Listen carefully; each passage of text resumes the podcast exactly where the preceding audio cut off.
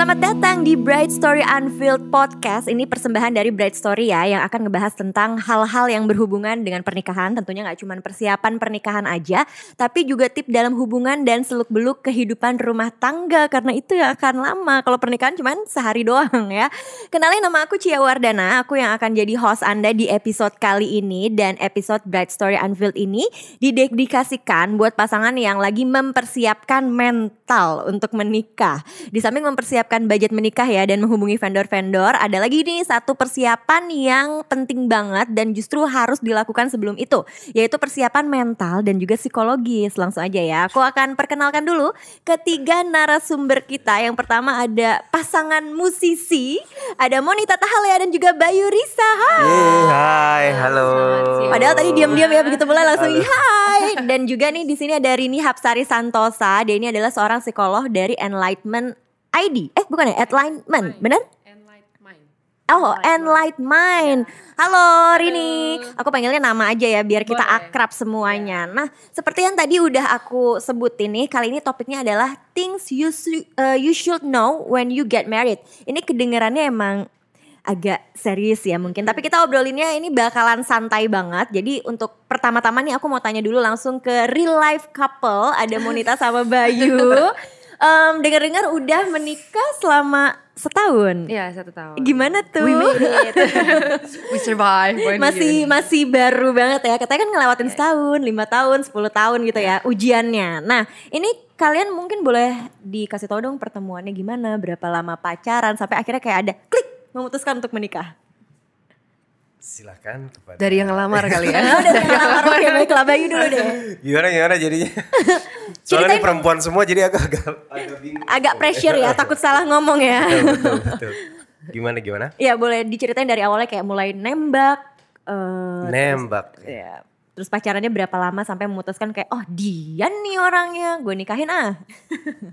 Eh, itu tahun aduh tahun susah juga. Tahun berapa ya? 2013 kita uh, mulai. Oh iya, eh itu tahun 2013, tapi eh, 2012 lah udah mulai eh ngeliat, udah mulai keker. Oke, udah ngegebet gitu ya. Wah, kece nih terus- kayaknya. Eh, udah gitu 2013 pas dia putus. Oh, oh nunggu, nunggu momen bagus. Jadi sebenarnya kita tuh satu satu ini kan sama-sama musisi jadi sering Iya, iya, ketemu. sering sebenarnya. ketemu. Iya. oke. Dan teman-teman semua juga. Dan akhirnya eh nggak tahu ya dikasih aja gitu momennya sama Tuhan gitu tiba-tiba eh, ada satu momen yang memang eh gue bisa ajak dia nonton gitu. Oke. Tiba-tiba. Oh ini nonton dulu ya, belum jadian pokoknya. belum Oh, dan belum. awalnya pun itu rame-rame Iya. nontonnya aku sama anak-anak band gitu kan. Mhm. Terus tiba-tiba pas mau dua jam sebelum gitu, hmm, tiba-tiba anak bandnya nggak bisa semua. Oh, ah ini enggak Jadi mereka pengen yang disuruh benar, gitu. yang benar, janjian ini- direncanain. Ini cerita bener nih. Oke, oke. Dia juga nganggapnya kayak, ah masa sih Masa kayak sih nggak tiba-tiba percaya gitu kan, nggak kayak bisa. ini eh setup gitu kan, padahal enggak. Bener-bener mereka nggak bisa. Tiba-tiba mereka harus eh apa? main gitu di salah satu kafe, udah gitu. Aduh ya udah, aku bilang. Aduh, "Udahlah, ya nggak udah." jadi lah eh. tapi aku nggak aku justru kayak wah udah nggak jadi lah pasti nggak mungkin lah nggak mungkin mau akhirnya hmm, aku bilang mau nggak nih apa nggak ada yang bisa jadi berdua doang katanya. Eh nggak taunya dia mau ya udah. Oh, berarti udah ada ketertarikan juga. Enggak aku kayak oke kalau dia nggak sama teman-temannya kira- kira-kira orangnya kayak gimana ya? Oh, udah ada rasa penasaran. udah rasa ada rasa pengen tahu gitu. Soalnya lu karena yang kayak tadi aku bilang karena kita temenan yang lumayan sering ketemu di area musik itu terus eh, taunya dia tuh di luar kata orang tuh gimana gimana. Jadi pas pas lagi deket-deket gitu sering teks aja kan. Iya, iya. terus kayak begitu ketemu langsung aku pikir ini momen yang tepat untuk pengen tahu ah dia tuh orangnya kayak, orangnya apa kayak sih? gimana. terus tanpa teman-temannya kan kita bisa lihat kan Iya. ngobrolnya gimana. Karena buat aku penting sih ngobrol apa. Ternyata begitu kita nonton selesai makan terus enak aja gitu ngobrol sama dia dan kayaknya juga dan, dan kayaknya juga kita nggak ada nggak ada nggak ada nggak ada istilah tembak-tembakan kayak gitu Oh jadi kan. kayak langsung jalan aja pacaran dewasa ya ini Iya. Langsung ya. Langsung jatuh. karena sebelumnya dia sebelumnya pacaran sempet lama pernah pacaran lama juga 10 tahun aku pernah pacaran kayak 8 tahun. Jadi begitu kita deket juga eh, aku juga waktu itu kita deketnya udah udah usia 20 a- agak akhir gitu. Jadi waktu udah bareng-bareng juga sama-sama moodnya udah kayak udah pengen serius lah ya bukan pacaran main-main gitu. jadi waktu makanya waktu ngobrolnya enak terus eh, begitu tahun baru lah tahun baru 2014 dia ngajak jalan terus langsung aku ajak ketemu keluarga kan just so wow. eh, ju- itu maksudnya- ngerasa pressure gak langsung diajak ketemu keluarga? Eh, pasti sih, cuman itu mix aja gitu. Aduh, Kayak seneng, seneng tapi dan enggak. pressure. Seneng tapi enggak. In the same time ya. Iya. Oke. Hmm, tapi itu ya cara salah satu cara untuk aku kasih tahu dia kalau ya aku menganggap dia serius dan aku Hmm. menganggap hubungan ini serius dan begitu dia menyambutnya dengan da- datang mau datang ikut Hmm. terus makan sama keluarga ya udah setelah itu kita jalan terus aja sampai akhirnya kita pacarannya empat tahun Empat tahun, oke. Eh, tahun pertama pacaran dia udah bilang gitu kasih saya waktu satu setengah tahun ya gitu Mm-mm. nanti saya saya mau nikahin kamu katanya Oh, nah dari situ oke. Tuh? Eh, eh, salah ya? Ingat gak ngomong itu? masih masih inget. Justru karena dia ngomong kayak gitu jadi aku sama ya masa sama-sama tahu aja sih. Makanya uh, sama-sama terusin hubungan ini 4 tahun saling kenal dan karena memang yang paling penting dari cowok itu kan kayak oh kita tahu nih dia, Dia punya serius. iya dia serius dan punya, punya pandangan ke depan itu Oke, akhirnya memutuskan lah ya itu. Berarti memang udah direncanain dari awal pacaran kan? Iya tahun-tahun pertama setelah lewat tahun pertama kan kita empat tahun tahun kedua lah dia udah mulai mulai ngomong ke arah sana. Oke, terus gitu. ngelamarnya kayak yang ini nggak yang kayak di Instagram Instagram proposalnya? Waduh, enggak sih. Enggak sih ya. Enggak. Ya? Sebelum ngelamar ini dulu, dia Berantem marah-marah dulu. dulu.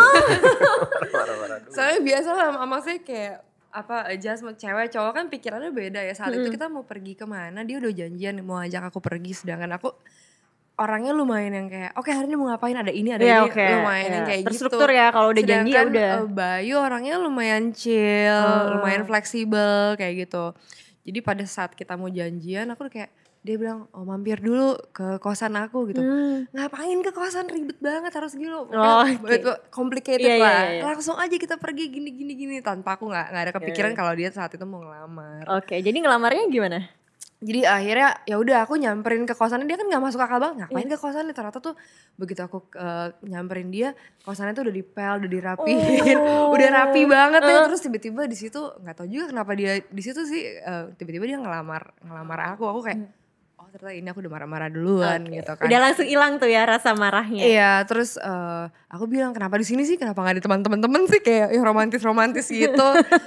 buat tapi aku ngerti gitu saat dia jelasin buat dia itu hal yang keberanian untuk seorang laki-laki melamar seorang perempuan itu keberanian yang amat sangat apalagi Bayu dari dari muda udah hidup sendiri gitu. Iya, iya, Jadi iya. maksudnya ya tempatnya dia itu adalah ya Tempat ya paling dia. nyaman maksudnya ya, oke. itu buat aku sih ngeliat sebagai simbol dengan eh, dia mau berusaha buat aku dengan di mana pun dia berada sekarang dan dia berani menyatakan itu dan aku sangat menghargai itu makanya aku bilang oh ya udah oke Oke. gitu walaupun ke- cincinnya sempat kekecilan Gak apa-apa yang penting udah Salah. usaha ya. Kelingking bisa lah ya.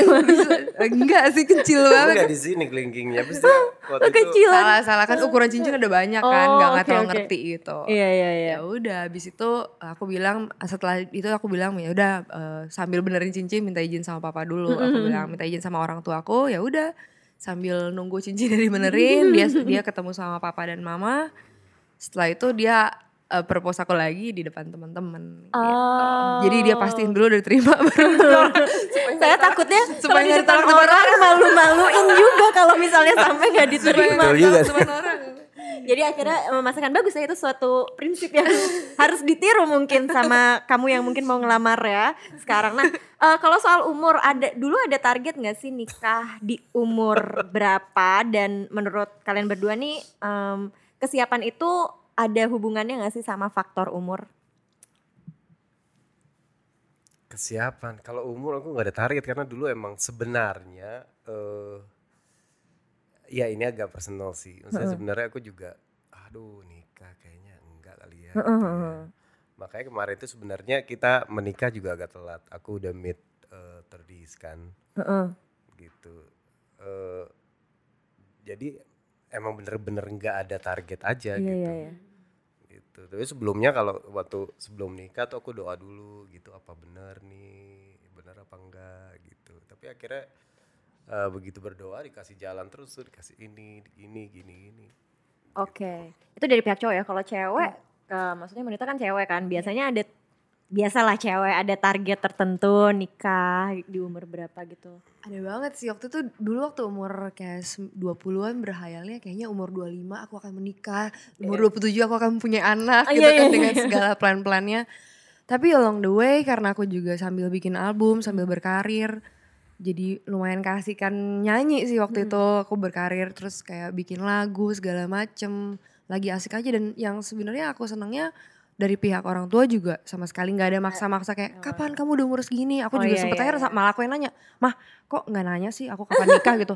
Udahlah kamu kejar aja mimpi kamu dulu gitu. Iya, jadi aku uh, Ah itu bagus banget. Iya makanya aku juga seneng banget sih uh, Mama kayak membiarkan aku dewasa aja pilih dengan pilihan aku gitu. Karena mungkin mama mamaku juga punya dulu nikahnya usia muda aku Iya, iya, iya. kayak tadi aku bawa adik-adik aku ke sini kita berdelapan bersaudara gitu jadi mungkin mamaku tahu Ah. rasanya kayak you just go follow your dream sampai kamu udah memang karena begitu menikah memang itu prioritas pasti berubah Iya.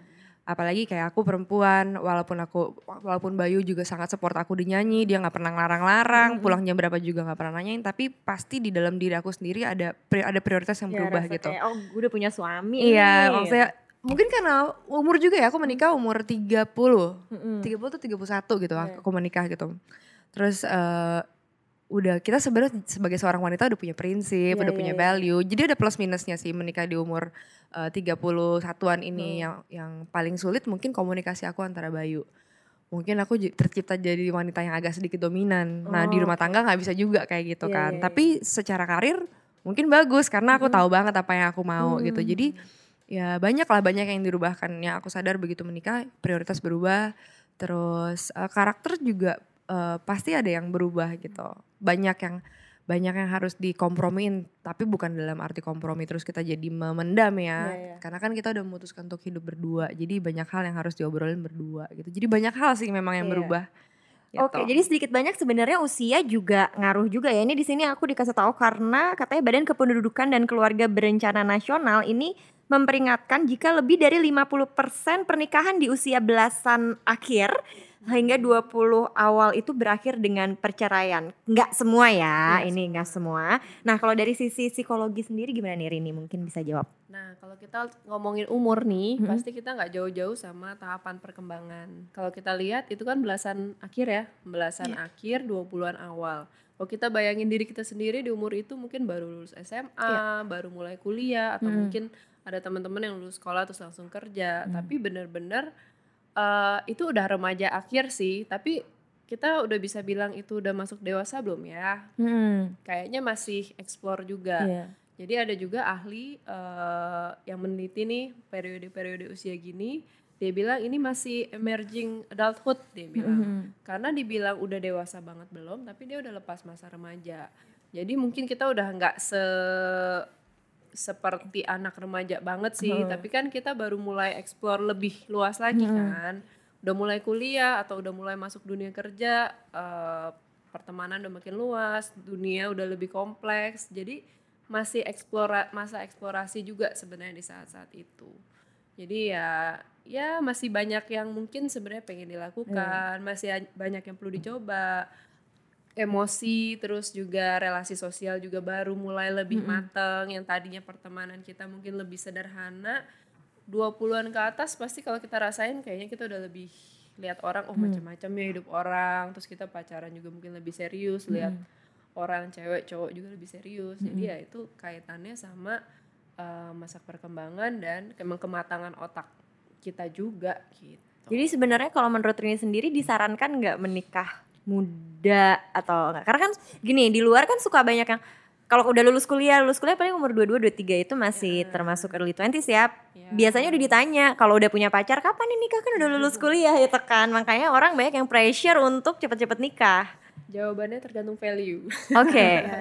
Iya kan, jadi terserah ya mungkin memang ada yang orientasinya lulus kuliah udah langsung langsung gitu kan. Terus juga punya anak cepat segala macam. Tapi ada juga orang yang value-nya berbeda. Jadi ya kita nggak pernah bisa bilang salah benar, disarankan atau tidak, tergantung Tergantung kondisi, orangnya masing-masing, oke. masing-masing gitu. Oke, tapi kan menikah itu nggak cuman tentang hari pernikahannya aja, pesta pernikahannya aja. Nah, kalau Bayu sama Monita sendiri, eh, pernah nggak sih kayak sebelum nikah ngomongin em, kayak ini contoh ya, misalnya keuangannya tuh di mana dipegang di satu orang atau mungkin di dua orang atau mungkin ada kayak teman aku yang dia memutuskan untuk bikin apa ya kayak semacam perjanjian pranikah Oh, oke. gitu juga Hmm. ada kan jadi untuk kalau misalnya cerai walaupun kalau orang sini mungkin masih berpikirnya oh jadi lu ngarep buat cerai dong nggak juga Iya. tapi dia berpikir dia mau bikin catatan itu atau ada nggak sih hal-hal yang semacam itu Kalau soal keuangan sih dari waktu sebelum waktu pacaran kita memang udah cukup terbuka gitu. Karena karena background kita musisi bukan pegawai yang punya penghasilan tiap bulan yang stabil. Maka kita harus punya disiplin dalam mengatur uang sendiri. Kita mesti kayak oke penghasilan kamu berapa penghasilan saya berapa dari segini kita bisa bikin apa. Begitu menikah udah beda lagi kan ada uang bulanan ada apa segala macam. Jadi bener-bener harus terbuka gitu. Dan aku seneng banget Bayu sebagai laki-laki eh, dia cukup terbuka kan itu. Oke kita mau mulai dari mana kita mau bikin apa? Karena itu penting banget supaya kita bisa kerja sama kan. Karena pada akhirnya begitu nikah it takes work dan yang akan bekerja tuh kita berdua gitu. jadi soal finansial kita ngobrol. Untuk saat ini masih aku yang pegang gitu. Karena Bayu cukup dermawan. Kalau udah teman-teman oh ya gue yang bayar. Aduh gak bisa gak bisa gak bisa kayak gitu lagi. Gak, itu kebiasaan orang timur kan kayak Iya, gitu iya, duduk iya, bareng iya. semuanya saya yang bayar gitu. Dulu waktu pacaran terserah. Iya. waktu udah nikah nggak bisa. Kita maksudnya punya banyak ya apa, kebutuhan rumah tangga kebutuhan ya. rumah tangga lah jadi harus lebih wise gitu. Keuangan masih aku yang pegang. Cuma mungkin nanti kalau kita udah sedikit stabil, Bayu- juga lagi buka usaha terus dia lagi sambil nyanyi juga. Jadi mesti eh, kayak ngurus ngurus keuangan harus ke satu kepala nih. Kalau untuk eh, visi keluarga ya itu dibiarin Bayu aja gitu. Tapi aku biar ngatur di belakangnya oke kalau kamu punya visi itu berarti saya ngatur uangnya ya supaya kalau kamu traktir temen-temen lu ntar gak jalan-jalan nih iya iya iya. Jadi kayak gitulah gitu. Senyum-senyum aja lagi dia. Iya lah ya Tapi buat- setuju ya berarti ya. Tapi buat aku butuh se- apa itu uh, penghormatan yang sangat uh, besar banget ya untuk seorang laki-laki itu mau mau membuka keuangannya dan mau mau bekerja sama gitu loh karena uh, ya kalau rumah tangga sih beda-beda. Mungkin ada yang Iya, iya. suaminya lebih pinter ngatur uang. Itu tergantung Tergantung nggak orangnya bisa disama nggak bisa iya, iya. disamaratain semuanya gitu. Kalau ya kita bekerja bekerja sesuai dengan keadaan kita sekarang aja kayak gimana gitu. Sekarang kita masih harus kerja sama. Oke aku yang ngatur karena mungkin aku lebih detail kan. Oh ini nggak bisa ini gini uang kan juga biasa kan cewek kan yang Iya, oh iya. bulanan kita segini gitu. Cowok tinggal oh ya oke gitu. Aku tinggal laporan aja sama dia gitu kayak gitu sih. Dan ini udah diomongin dari sebelum menikah? Dari sebelum menikah sih udah diomongin. Nanti kalau nikah yang pegang uang siapa ya? Dia sempet bilang ah lo ah, kamu lebih jago ngatur uangnya gitu kamu aja gitu nanti kalau misalnya ya mungkin lima tahun lagi keadaannya akan berbeda gitu kan kita kan nggak tahu jadi yang saat ini sih seperti itu tapi dari, waktu pacaran sih udah udah diomongin udah ya. diomongin gitu Berarti emang perlu ya ngomongin hal-hal seperti ini ketika kita mau menikah ya Rini ya. Itu Iya. apa aja sih yang harus diomongin selain keuangan ya, tempat tinggal, ap- apalagi yang kayak kita harus fixin dulu nih karena kan kalau setelah nikah nggak cuma soal cinta aja ternyata. Mm-mm. Ya pasti sih kayak tadi ya dia cerita, Monita cerita beda-beda masing-masing orang. Apa yang mesti difixin, apa yang nanti bisa sambil jalan tuh juga masing-masing orang berbeda. Cuma yang penting modalnya tadi tuh kalau memang udah serius sa- sa- sama-sama tahu ya perlu juga membicarakan hal yang lebih personal ya kayak Iya. keuangan. Iya. Kondisi keluarga, Iya, betul. ada nggak concern yang uh, major nih di keluarga? Apakah ada keluarga yang sakit misalnya?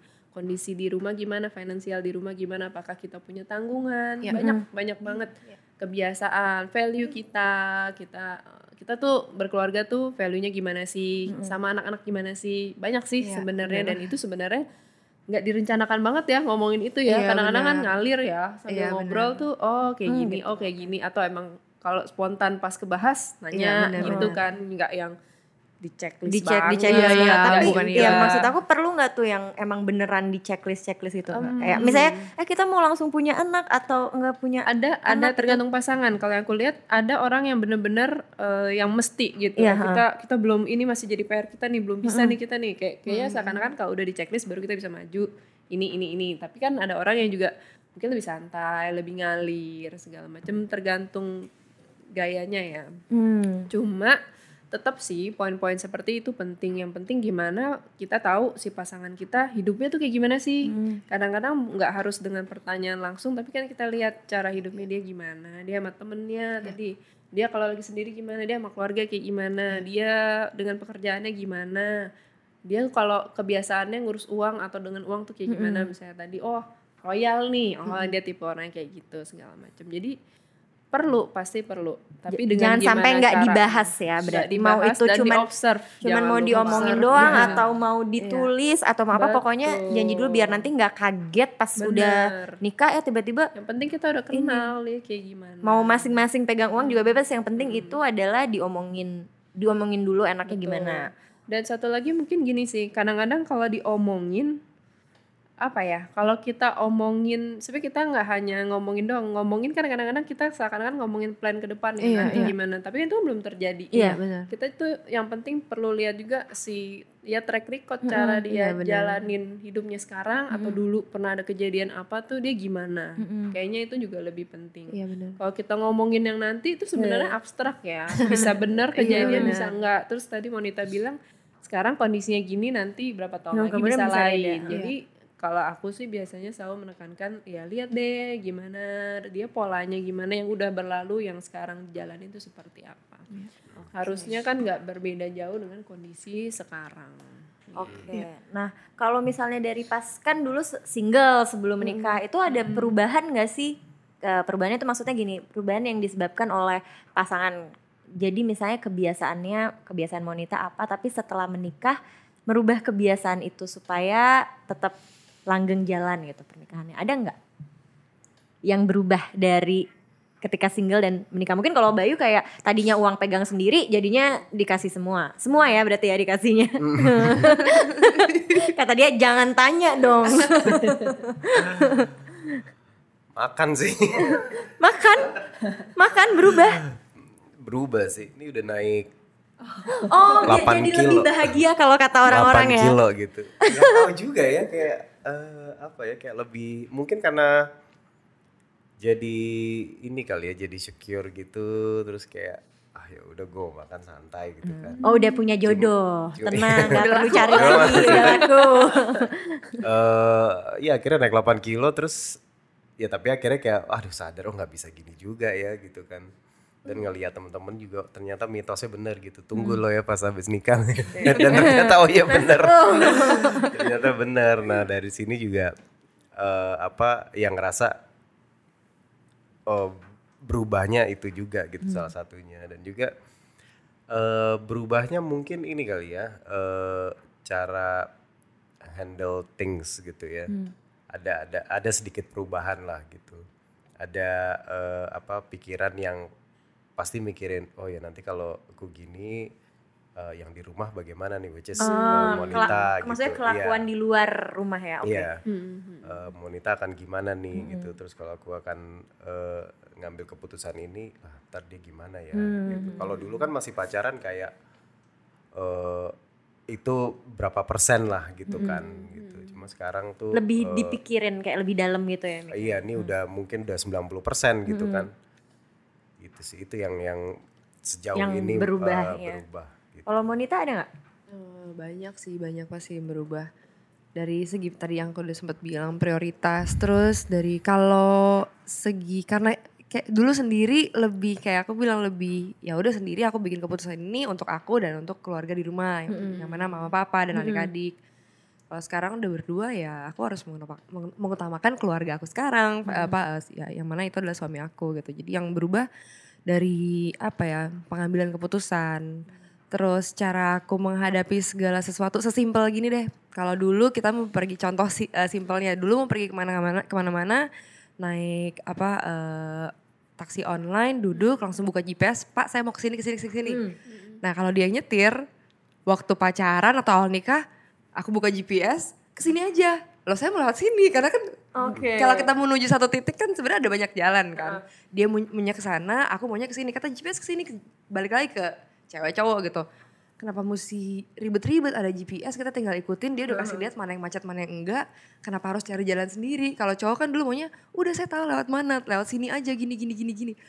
Dari dari itu tuh kalau kalau nggak ada yang ngalah kita nggak akan sampai sampai ke tujuan gitu. Dulu awal-awal eh, waktu pacaran dan awal menikah juga kayak gitu. Setiap duduk saya akan buka GPS mau ke sini ke sini sini. Lama-lama aku jadi mikir kok aku yang ngatur semua sedangkan udah ada yang pegang kendali yang pegang setir kan dia gitu.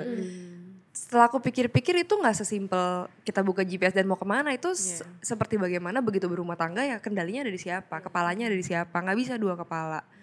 Kayak tadi latar belakangnya aku dengan keluarga aku dia dan keluarga dia. Sekarang kita memutuskan untuk bersatu bersama-sama berarti kita bisa bikin. Sebenarnya ini adalah menikah itu adalah kesempatan di mana kita bisa bikin landasan yang baru buat keluarga kita value yang baru. Apa yang baik dari keluarga kita kita taruh di keluarga kita yang baru. Apa yang nggak baik nggak usah kita bawa gitu. Jadi un- masuk masuk pernikahan kenapa aku bilang mendingan ngobrol yang sebanyak banyaknya romance perlu cuma lebih perlu lagi untuk kita mengenal dengan siapa kita akan menjalani hidup ini se- selanjutnya gitu jadi setelah kita ngomongin baggage, baggage segala macam, aku jadi lebih punya gambaran begitu aku duduk dan mau, bawaannya mau ngatur melulu, aku jadi mikir, kan sekarang aku udah hidup berdua ya, kenapa aku masih harus mau maunya mau aku terus gitu. Kalau kayak gitu terus ya tadi kita nggak akan jalan-jalan dan berantem melulu pasti. Eh, itu mungkin ya egonya pasti. Egonya udah berkurang daripada yang pas single ya. Egonya. Karena setelah menikah jadi harus lebih banyak kompromi juga. Iya, gitu. terus kalau perempuan mungkin lebih perempuan nggak cuma perempuan doang sih manusia pasti kan ada egonya gitu. Terus Kalau perempuan aku ngerasa eh, penting untuk kita kenal diri kita banget. Kalau aku orangnya sangat amat moody sekali, mood swing apa segala macem. Begitu udah nikah, sebenarnya kasihan suami aku. Kalau aku ter kalau dulu kan suka-suka, mau Iya, moody, mau iya. lagi sendiri, aku mau sendiri, mau lagi pergi jalan-jalan suka-suka. Sekarang kan nggak bisa suka-suka. Kalau akunya terbawa perasaan, terbawa moody, walaupun masih suka ke bawah perasaan ya itu merugikan suami aku gitu. Jadi mesti belajar banyak belajar lagi deh gitu. Aku sendiri gitu belajar gimana caranya aku jadi orang yang lebih baik, bukan cuma buat aku sendiri, cuma tapi juga buat keluarga aku gitu. Karena ya ini yang harus dikerjain sama-sama gitu. Jadi menurut aku kalau dibilang banyak orang tahu gimana gimana nih setahun pertama berat banget, tapi memang menikah itu seperti itu kayak kita meng- mau udah pacaran 4 tahun tapi begitu nikah setiap hari ketemu ada hal baru lagi pasti yang ditemuin di pasangan gitu. Ya kayak gitu sih. Jadi banyak hal banget pasti akan berubah. Setiap hari justru kita akan berubah. Kita akan menemukan hal yang baru dari pasangan dan kita akan menemukan hal yang baru dari diri kita sendiri juga. Dulu gue pikir gue gak akan bisa sabar, tapi Ternyata aku bi- sa- ternyata aku bisa ya. sabar. Aku pikir aku udah paling baik, ternyata aku nggak baik. Karena aku su- Oke. masih suka marah-marah kayak gimana. Ternyata Iya, tuh, iya, iya. iya kan. Pokoknya aku udah tahu nih kalau marah se, se- semarah ini. Ternyata begitu ini kita lebih kenal lagi ternyata aku nggak sebaik itu gitu. Jadi banyak hal yang kita, kita kenal diri kita lebih lebih lebih lagi dan pasangan kita lebih lagi. Dia udah senyum-senyum aja tuh tadi. Karena masalah masalah yang dihadapi juga beda ya setelah menikah. Iya, benar-benar. Heeh. Oke Rini, nah kalau misalnya nih, kalau mereka kan tadi ada perubahan setelah menikah. Hmm, kalau ada orang yang menikah tapi masih membawa kebiasaan pada saat single, kira-kira apa sih masalah yang akan timbul? Ya tergantung kebiasaannya ya. Pasti ada yang tetap lanjut, ada yang ternyata mesti kompromi gitu ya. Sama aja sih sebenarnya. Emang kita mesti sadar bahwa ya kita hidup tuh beneran bergerak, nggak yang kayak abis nikah terus udah selesai gitu. Kita setahun menikah sama sih, dua sehari dua hari tuh ya berubah terus. Apa yang kita alamin berbeda, kejadian yang kita alamin beda. Jadi ya memang pasti kita harus menyadari itu dan mengikuti gerakannya sebenarnya kan gitu. Jadi apa yang mau dibawa dari yang sebelum menikah, apa yang mau dilanjutkan, apa yang mau dikompromikan atau ada hal baru apa yang mau dibawa ya itu pastinya mengalir harusnya. Cuma akan jadi masalah kalau salah satu atau dua-duanya ya kaku gitu. Aku gini, pokoknya aku maunya gini ya susah kan gitu. Pasti terjadi konflik gitu. Oke, ini aku dengar sekarang, wow ini ada bimbingan khusus dan juga kursus pranikah. Jadi pemerintah sendiri ini nyaranin dan katanya akan mewajibkan untuk tahun 2020 dan beberapa institusi agama di Indonesia ini juga udah memberlakukan hal ini ya. Sebenarnya isinya akan kayak apa dan sebesar apa manfaatnya untuk calon pengantin? Kalau isinya apa yang dari program pemerintah, jujur aja aku nggak tahu. Karena belum keluar ya. Iya iya iya. Ya karena 2020 sih ya. Eh, bukan tim penyusunnya.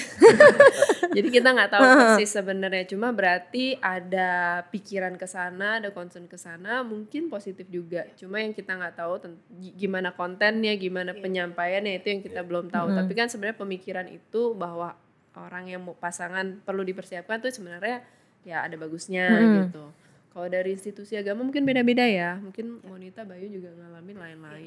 Pada dasarnya sih kalau itu dari agama pasti dia menjelaskan tentang ya udah dalam agama Dalam sudut pernikahan pandang itu agama, seperti apa, suami gimana, istri gimana, biasanya sih gitu. Keluarga gimana, Oke. anak gimana. Kalau Monita sama Bayu pernah eh, kemarin sebelum menikah ikut kursus pranikah atau enggak? Eh, kita kalau di kita kita gereja kan ada ada apa namanya bimbingan pranikah, namanya. Gitu. Jadi eh, itu memang memang eh, wajib sih. Wajib dan kitanya sendiri juga ya memang harus ada memang harus ikut itu gitu dari kitanya. Eh, kita harus lewatin itu gitu. Jadi eh, itu penting sekali ternyata. Jadi berarti yang ada di pada saat itu berguna untuk setelah kalian menghadapi pernikahan sekarang ini. Sangat sih, sangat. Oh iya? Sangat. Oke. Nah, makanya kalau misalkan tadi eh, pemerintah punya itu eh, benar banget tadi yang Rini bilang isinya apa gitu. Gitu karena penting banget itu kontennya apa gitu. Jadi nggak hanya oke pranikah ini dikasih tahu ini kasih itu. Nah, Iya. eh, kalau di sini kan beragam gitu kan kayak agama juga itu kan mempengaruhi juga Iya, iya, semuanya iya. gitu kan. Itu berbeda-beda eh, Hmm.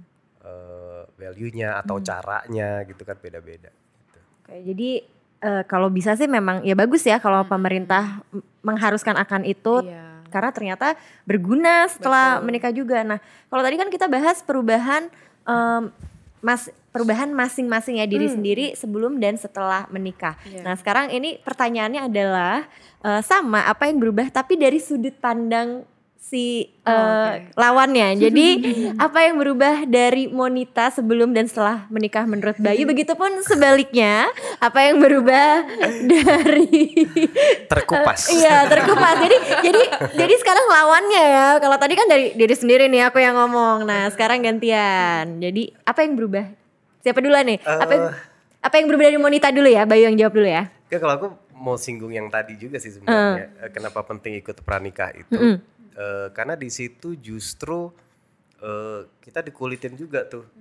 Jadi kita tahu sebelum terjun ke terjun sebelum kita di pelaminan kita memutuskan untuk oke eh, diberkati dipersatukan gitu. Nah kita udah ada duluan gitu. Kita ibaratnya kayak cheat lah gitu. Kita duluan tahu gitu dia bagaimana sebenarnya.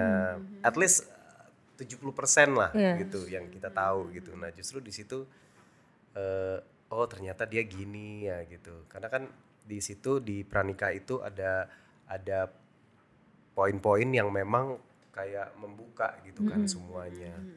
Lo kalau ngadepin gini kayak gimana? Lo kalau ngadepin gini kayak gimana? Jadi Oke. begitu eh, aku udah eh, menikah perubahan yang aku lihat itu eh, nggak terlalu kayak wah gila kok dia gini banget. Oke, enggak gitu. Karena emang waktu kita pranikah sudah Udah dipelajari ya Iya, ibaratnya. udah membuka, udah udah eh, ya itu yang aku bilang 70% tadi gitu. Jadi begitu eh, udah menikah, aku udah tahu sebenarnya dia gini. Oh, karena sekarang tiap hari ngeliat, jadi tiap hari ngalamin gitu kan. Dia seperti ini, dia seperti ini gitu. Tadinya kayak aduh. Gitu ya. Tapi oh iya emang dia gini. Cuma karena waktu itu kita pacaran nggak nggak tiap Nggak- hari nggak ketemu, ketemu, jadi nggak keluar nggak tuh. begitu terasa Iya, kan, iya, gitu iya. kan. Nah, sekarang udah ti- tiap hari ketemu Kerasa. kerasa dan Apa sih contohnya jadi pengen tahu satu aja nggak usah semuanya diungkap. moodinya tadi gitu Oh, kan. Kalau dulu tadi. misalkan eh wah gila kita dikupas nih. Sebenarnya nggak ada sih pertanyaan di sini ini Masa pertanyaan aku. cewek-cewek gini aku merasa tersudut. Pojok lagi. Grogi sebenarnya dari tadi gitu Ada kayak. Aduh. eh, apa namanya? Tadi apa sampai lupa? Iya, apa contohnya tadi yang Mudi tadi? Eh. eh banyak sih ya mudinya gitu. Dia bisa yang eh tiba-tiba eh apa namanya ke mana gitu. Ih ken- kenapa nih? Kenapa gitu tiba-tiba ke mana? Kenapa nih? Terus kayak eh Maksudnya kayak- ke mana tiba-tiba dia ganti arah. Ah, tiba-tiba dia pergi ke mana gitu kan. Oke. maksudnya bukan bukan pergi jauh gitu. Enggak dari sini misalnya ke mana gitu. Kenapa nih? Kok kayak eh, dia lagi kenapa nih? Pas tanya iya nih dia eh, gini-gini nggak tahu tiba-tiba gini yaudah deh eh, biarin aja dulu gitu oh iya tapi kita nggak tahu gitu mau ngapain gitu apa jadi kadang-kadang bingung sendiri Jadi menghadapinya apa? Diem dulu.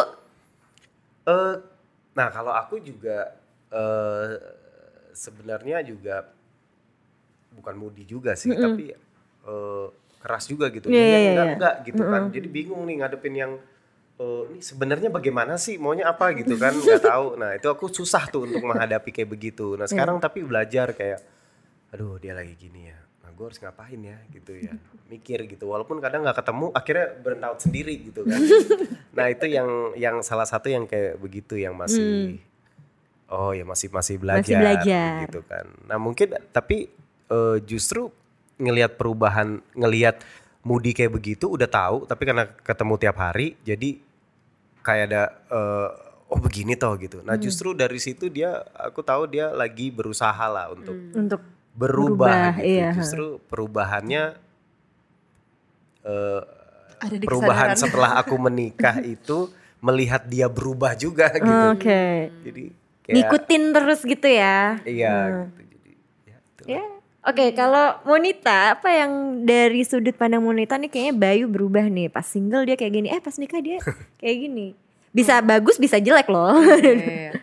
Pas kalau misalnya yang gimana ya? ya kalau waktu dulu pacaran yang bikin aku lumayan kayak aduh dulu kita eh, menyambung yang tadi juga tuh aku suka tuh yang tadi ada apa bimbingan sebelum nikah.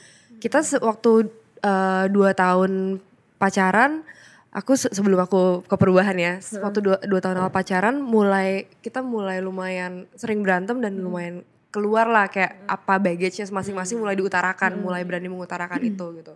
Yang mana sebenarnya buat aku itu berarti kita dalam relationship udah lebih dalam lagi gitu kan ya. Eh, akhirnya aku sempat ngomong sama dia eh, jadi kita punya kayak mentor pasangan juga karena dia bilang udah menikah jadi kita mau nggak ketemu sama mentor ini? Karena waktu kita lagi berantem atau lagi dalam masalah ketemu berdua terus diomongin terus nggak ada titik ke- Nggak jalan ada, keluar oke. gitu. Karena kita masih dengan egonya dia masih dengan egonya masih dengan pemikiran masing-masing begitu. Awalnya Bayu nggak mau gitu membuka diri untuk ada pasangan lain iya, gitu. kayak ngapain? Itu kan urusan urusan kita gitu. Tapi aku dalam titik yang kayak udah nggak punya cara pandang lain udah kelihatannya jelek aja semuanya. Sampai akhirnya Bayu sendiri bilang ya udah deh mau ayo. Awalnya kita eh, sesinya berdua berdua dulu aku sama yang pas perempuan Bayu sama yang suaminya. Jadi ini suami istri mentor kita sebelum nikah lah. Sampai akhirnya setelah sesi sendiri sendiri akhirnya kita berempat ketemu. Dari situ membuka banyak hal banget sih gitu. Kita berani yang yang paling penting pasangan ini adalah pasangan yang kita percaya. Menikahnya juga udah 10 tahun lebih dulu Iya, jadi iya, kita uh, banyak hal mungkin yang baru kita laluin mereka sudah laluin. Iya, jadi iya. mereka bisa kasih kasih cara pandang ya. yang baru lah gitu. Begitu kita ketemu berempat mereka berdua dengerin kita kenapa apa yang kamu nggak suka? Aku nggak suka deh gini gini gini gini. Dia ngomong suka." tuh sambil ngomong berapa ya? kayak udah udah bisa ter- karena kita juga relationshipnya juga udah cukup dekat dengan mereka jadi kita udah berani untuk membuka membuka uh, pernikahan kita. Pernikahan dan mereka pun juga itu, begitu oke. oke. Pernikahan kita nggak sempurna tapi kita uh, mau willing untuk share apa yang bisa kita bagiin buat kalian gitu. Karena mereka tahu nikah nggak gampang tapi yet uh, worth it gitu. Worth fighting for gitu kan. Akhirnya kita bilang "Ah, saya nggak suka deh gini gini gini. Mereka cuma ngeliatin aja kita berdua saya nggak suka deh gini. Tapi dia dulu. Berantem oke oke oke oke. Jadi sebenarnya tuh kalian tuh gak nyambung. Maksudnya jadi itu ada orang yang ngelihat dari sudut pandang ketiga memberikan kita "Kak, maksudnya dia tuh gini maksud dia itu gini. Dan eh, itu butuh proses ini juga ya eh, kita melembutkan hati kita Iya, juga iya, untuk mau denger advice dari orang lain orang gitu. ya, oke. ya udah dari situlah kita dibimbing kita jadi lebih tahu kayak oh iya ya harusnya kayak gini. Memang cewek sama cowok pikirannya be- berbeda lah. Nah dari situ tuh kita bimbingan di bimbingan juga dibicarain semuanya. Latar belakang keluarga uh, pastnya kita sebagai person uh, past relationship terus di gitu seks terus di gitu keuangan semuanya tuh di- dikupasnya memang nggak semuanya tapi Iya. paling nggak di situ momen di mana kalau memang saya memutuskan untuk sama orang ini apalagi yang harus disembunyikan dari saya kenapa harus saya tutupin gitu. Nah di situ di, di meja itu dibukalah semuanya sampai akhirnya eh, kita mau untuk say I do lah. Lanjut lah karena eh, wedding wedding is just one, for one day Iya, gitu iya. marriage is for a lifetime Iya, gitu iya, jadi iya. mendingan kita fokus sama hal-hal yang esensial aja gitu aku seneng karena Bayu eh, adalah laki-laki yang mau diajak untuk ngobrolin itu Hmm. gitu jadi eh, ya udah akhirnya berjalan seperti itu begitu menikah yang berubah adalah aku pikir aku lebih dewasa dari Bayu Hmm. gitu karena apa-apa aduh kayaknya aku lebih praktis lebih tahu lebih lebih gitu Iya, lah iya, so iya, tahu iya. banget aku pikir aku lebih lebih dewasa tapi begitu menikah malah Bayu sebagai pria jauh lebih lebih Lebih dewasa. lebih dewasa dan lebih eh, apa ya dia lebih berdiri sebagai seorang pria karena aku juga mungkin selama ini maunya ngatur dulu kan Iya, udah iya. ini ini ternyata aku aku tuh menutup jalan dia untuk untuk untuk lebih mimpin Padahal lah ada yang lebih baik gitu iya ya. padahal dia lebih bisa tapi karena mungkin dia tahu ah, dia udah tahu aku aduh kalau daripada berantem mendingan ya udah ya ya udah udah gitu ya. dia selama ini ngalah dan aku menutup eh, dia untuk bikin keputusan sebagai laki-laki gitu dan itu yang berubah sih begitu aku lebih ya udah oke Hmm. kamu maunya gimana justru malah keputusannya lebih bagus gitu yang dibikin sama dia gitu ya perubahan seperti itulah Iya, iya, ternyata iya. oh ternyata selama ini eh sebenarnya dia bisa cuma dia kebanyakan ngalah itu yang nggak aku Hmm. lihat gitu kan itu yang berubah gitu aku pikir dia gimana ternyata dia sebenarnya jauh lebih baik dari apa yang aku pikir gitu kan terus kalau kebiasaan lainnya mungkin ya kebiasaan kebiasaan cowok Iya, iya. sih gitu kan kalau dulu kan karena aku nggak ketemu setiap hari sekarang jadi tahu Hmm. dia naruh celana di mana gitu hal-hal hari-hari Iya, iya, lah iya. gitu oh berarti eh, kenapa waktu itu dia beresin kosannya karena aku suka berantakan banget sih suka sekarang di rumah juga baru baru tahu berantakannya Iya, kayak iya. apa Berantakannya gitu. uh. udah kebayang nih aku Ya, kayak. tapi tapi setelah lewat setahun karena kita berdua kita maksudnya kita nggak ada nggak ada yang bantuin di rumah nggak Hmm. ada asisten rumah tangga gitu eh, kita mulai bikin baru mulai sih kita mulai bikin deal dealan oke siapa yang keluar rumah terakhir dia yang bersihin tempat tidur dia yang bersihin Oh. apa jadi mulai bikin kayak uh, rules di rumah gitu rules ya. di Ya. rumah mulai bikin rules kayak gitu setelah yang kayak finance kita udah obrolin mulai yang rumah karena kan kita cuma berdua nih Iya. gitu eh, kan aku juga pengen kalau misalnya nanti aku pu- dia pulang ke rumah aku misalnya belum pulang masih nyanyi atau masih ke mana dia pulang dengan keadaan yang oh rumahnya rapi kasurnya Hmm, enak aku juga pengen dia ngerasa ngerasa di rumah tuh enak Nyaman gitu ya. kan nyaman gitu karena sebenarnya itu tugas aku sebagai perempuan untuk bikin rumah itu ya nyaman ditinggali gitu kan. Kayak gitu jadi sekarang kita eh, dia bantu banyak lah gitu. Oke dia mau bersihin apa segala macam. Terus eh, kita Bayu kan suka suka eh, suka ini kan pet gitu. Dia suka banget sama punya anjing Dia Hmm. akhirnya bilang dia mau punya ya udah kita tapi urusnya sama-sama. Tapi karena dia yang mau bagian bersih Ini lebih banyak oh banyak bersih kayak bersih gitu lah ya. kita, kita udah mulai bikin apa rules. Itu buat aku bagian yang menyenangkan sih. Nah, Rini ini kan sering terjadi nih pernyataan yang seperti ini ya. Eh, suami atau istri saya berubah setelah menikah. Dia nggak kayak dulu lagi. Bahkan waktu pacaran eh, udah saling bilang, kamu nanti jangan berubah ya, itu ya. Aku bold di yang suami atau istri saya berubah setelah menikah, dia nggak seperti dulu lagi sama kamu jangan berubah ya. Nah, padahal ini kan nggak ada yang bisa menjamin gimana seseorang nantinya berubah atau enggak. Itu gimana pendapatnya Rini? Hmm, sebenarnya sih ngomong berubah pasti berubah ya. Kayaknya kalau kita ngomong paling pasti adalah perubahan. Iya, iya, mana mungkin gitu kita eh, tambah umur. Eh, yang kita alamin beda, nanti belum lagi punya anak dan sebagainya, ada kejadian apa kejadian apa. Jadi ya yang saat yang pasti memang adalah kita pasti berubah. Jadi satu sama lain harus tahu persis bahwa ya kita akan gerak gitu dalam kalau kita udah memutuskan dalam pacaran aja mungkin dinamikanya berasa kan tahun pertama kedua dan seterusnya sampai ubu- am- Ah, sampai mau akhirnya menikah, ah. gitu ya. Perlu disadarin menikah sampai apalagi nanti limitnya lebih panjang gitu kan ya pasti akan perubahan akan selalu kita temukan. Kalau misalnya ada orang yang komplain kenapa suamiku istriku berubah, sebenarnya kalau kita cek lagi biasanya kalau kita ajak ngobrol, kan biasanya yang komplain gitu kan sesuatu yang negatif ya, berubahnya itu biasanya negatif ya. Kalau kita cek lagi biasanya yang kayak tadi itu aku bilang, makanya perlu buat kita untuk melihat pola pattern yang memang udah dijalanin. Kadang-kadang saat kita ngobrol orangnya komplain gitu, cuma ternyata dia emang kayak gitu kok dari dulu gitu. Kita bisa lihat nih dia pas lagi di kayak gini dia gini pas lagi ini dia gini. Dari dulu dia memang sama cuma apa ya eh, peristiwanya atau kondisinya aja yang berbeda-beda. Tapi sebenarnya polanya sama gitu. Jadi orang tuh eh, kita mesti lihat orang tuh punya pola kok punya pattern kok. Kalaupun dia berubah eh, dia punya kapasitas untuk belajar lagi dan berubah iya. Tapi untuk jadi berubah sama sekali jadi orang yang berbeda juga nggak mungkin. juga, ya. jadi dia ya orang yang di kita kenal saat ini ya kayak gitu gitu ibaratnya.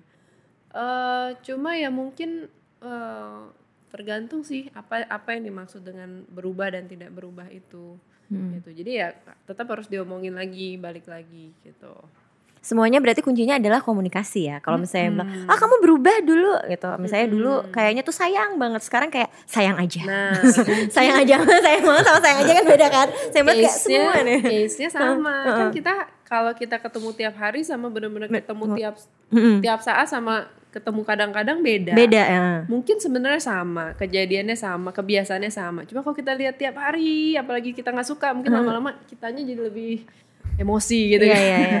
gitu jadi mungkin sebenarnya orangnya kayak gitu Emang Cuma udah karena- kayak gitu, karena kita lihat tiap hari dan ya. kayaknya mungkin kita lihat "Oh, gila ternyata lebih parah dari dugaan kayak tadi ya masalah Iya, iya. berantakan apa Kayak pas pacaran ngeliatnya berantakan, pas udah nikah berantakan banget iya, ya tiap hari lihat bangun tidur Belum melek keluar wow semuanya, gitu kan. iya. Ya itu mungkin yang sebenarnya memang mempengaruhi kita juga dan itu wajar deh. Kalau itu terjadi mau nggak mau kita harus ngomong, aduh saya nggak sanggup banget lihat rumah kayak Iya, iya, gini iya. gitu. Misalnya kamu abis ini ngelakuin ini dong, ini dong, sepakatin lagi, Baik, benar. beresin. Komunikasi ya Heeh. adalah kunci ini Iya. kayaknya. Nah, tapi kan semua orang pasti pengen dong mau udah nikah lama atau baru aja nikah, pengen tuh sebenarnya kehidupan em, rumah tangga tuh seindah pacaran ya, seindah lagi jatuh cinta. Nah, tapi itu memang nggak mungkin ya selamanya karena kan em, lama banget tuh kan pernikahan dibanding misalnya pacaran 4 tahun menikah mungkin bisa 40 tahun sampai kita meninggal misalnya kan gitu.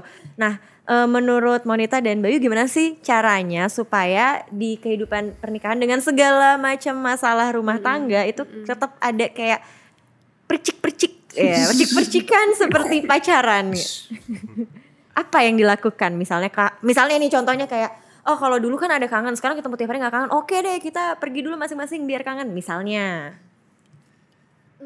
Eh, kalau aku sih kadang susah gitu bingung. Karena aduh mau apa ya kasih bunga atau apa gitu kan. Kayaknya eh semua juga bisa gitu gitu ya. Tapi aku lebih mikir ke ininya sih mindset aja gitu. Aku kalau misalkan untuk menciptakan itu aku pikir baik-baiknya dia gitu. Aku mikirin apa yang dia lakuin yang baik buat aku gitu. Nah itu dengan punya mindset kayak begitu act aku tuh tindakanku eh, bisa bikin spark spark itu justru gitu. Dengan tidak sengaja atau bisa eh, ngomong ya bagaimana tindakannya ya itu kayak bersihin apa bersihin Iya, iya, apa iya. gitu kan kalau kita emang udah nggak suka kan kayaknya kan semua terpaksa kan gitu jadi aku lebih ke mindsetnya aja sih gitu Jadi, misalnya Monita kayak suka bersih, eh, Bayu, aduh biar dia seneng bersihin deh gitu. Kalau itu otomatis kan Otomatis ya, gitu oke. kan. Kalau kita ngelakuin itu karena aduh ntar dia ngomel, Ngomel, lagi. Nah, itu itu yang nanti akan pudar tuh gitu. Nah, aku lebih kayak mindset lagi mikir aduh dia kalau dia lagi kita nggak sama-sama gitu kan mikir baiknya dia, itunya dia gitu. Nah, itu ngerjain sesuatu eh, apalagi buat dia tuh lebih lebih enak gitu. Nah, kadang dari situ tuh justru spark itu yang yang yang muncul Yang gitu. muncul, Nah, kalau oke. misalkan tadi ngomong kayak eh kamu berubah gitu kan dulu pacaran atau apa eh ya mungkin mungkin sebenarnya orang itu nggak berubah ya gitu. Cuman kamu baru tahu aja. Baru menunjukkan Oh. nih benerannya gue tuh kayak gini. kamu baru tahu aja yang sebenarnya dia bagaimana gitu kan. Oke. Karena emang pacaran semua kan selalu yang indah-indah. Selalu Ya indah enggak juga kan, sih gitu sebenarnya kan. ya, tapi Iya. kebanyakan. betul. Ya maksudnya kalau mau kita mau enaknya, kita mau nggak mau perubahan sih ya mending nggak usah nikah. gitu. Wanita? Kalau aku kak dulu kan kalau kita masa paling indah kan katanya masa PDKT justru bukan pacaran. Iya iya kan. benar-benar. Karena effortnya gede banget orang kalau PDKT itu. Beliin apa, datang tepat waktu. Kalau bisa ini kayak Iya iya iya. buat aku justru begitu menikah effortnya harusnya lima kali lebih gede dari waktu PDKT dan waktu pacaran gitu. Karena ini orang yang kita deketin, orang yang kita damba-dambakan dari sebelum dapat begitu udah menikah harusnya kita kerja lima kali lebih keras buat orang ini gitu. Iya, iya. Karena kan dulu kita kenapa kita harus menginginkan hal yang apa ya kayaknya udah nggak ini lagi kenapa nggak kita ciptakan gitu. Begitu menikah Hmm. harusnya itu hal yang diciptakan berdua gitu Mm-mm. kan. Kita menikah dalam satu tim ya kita uh, ciptakanlah tim yang harmonis berdua sama-sama gitu. Jadi buat aku dua-duanya harus sama-sama effort sih.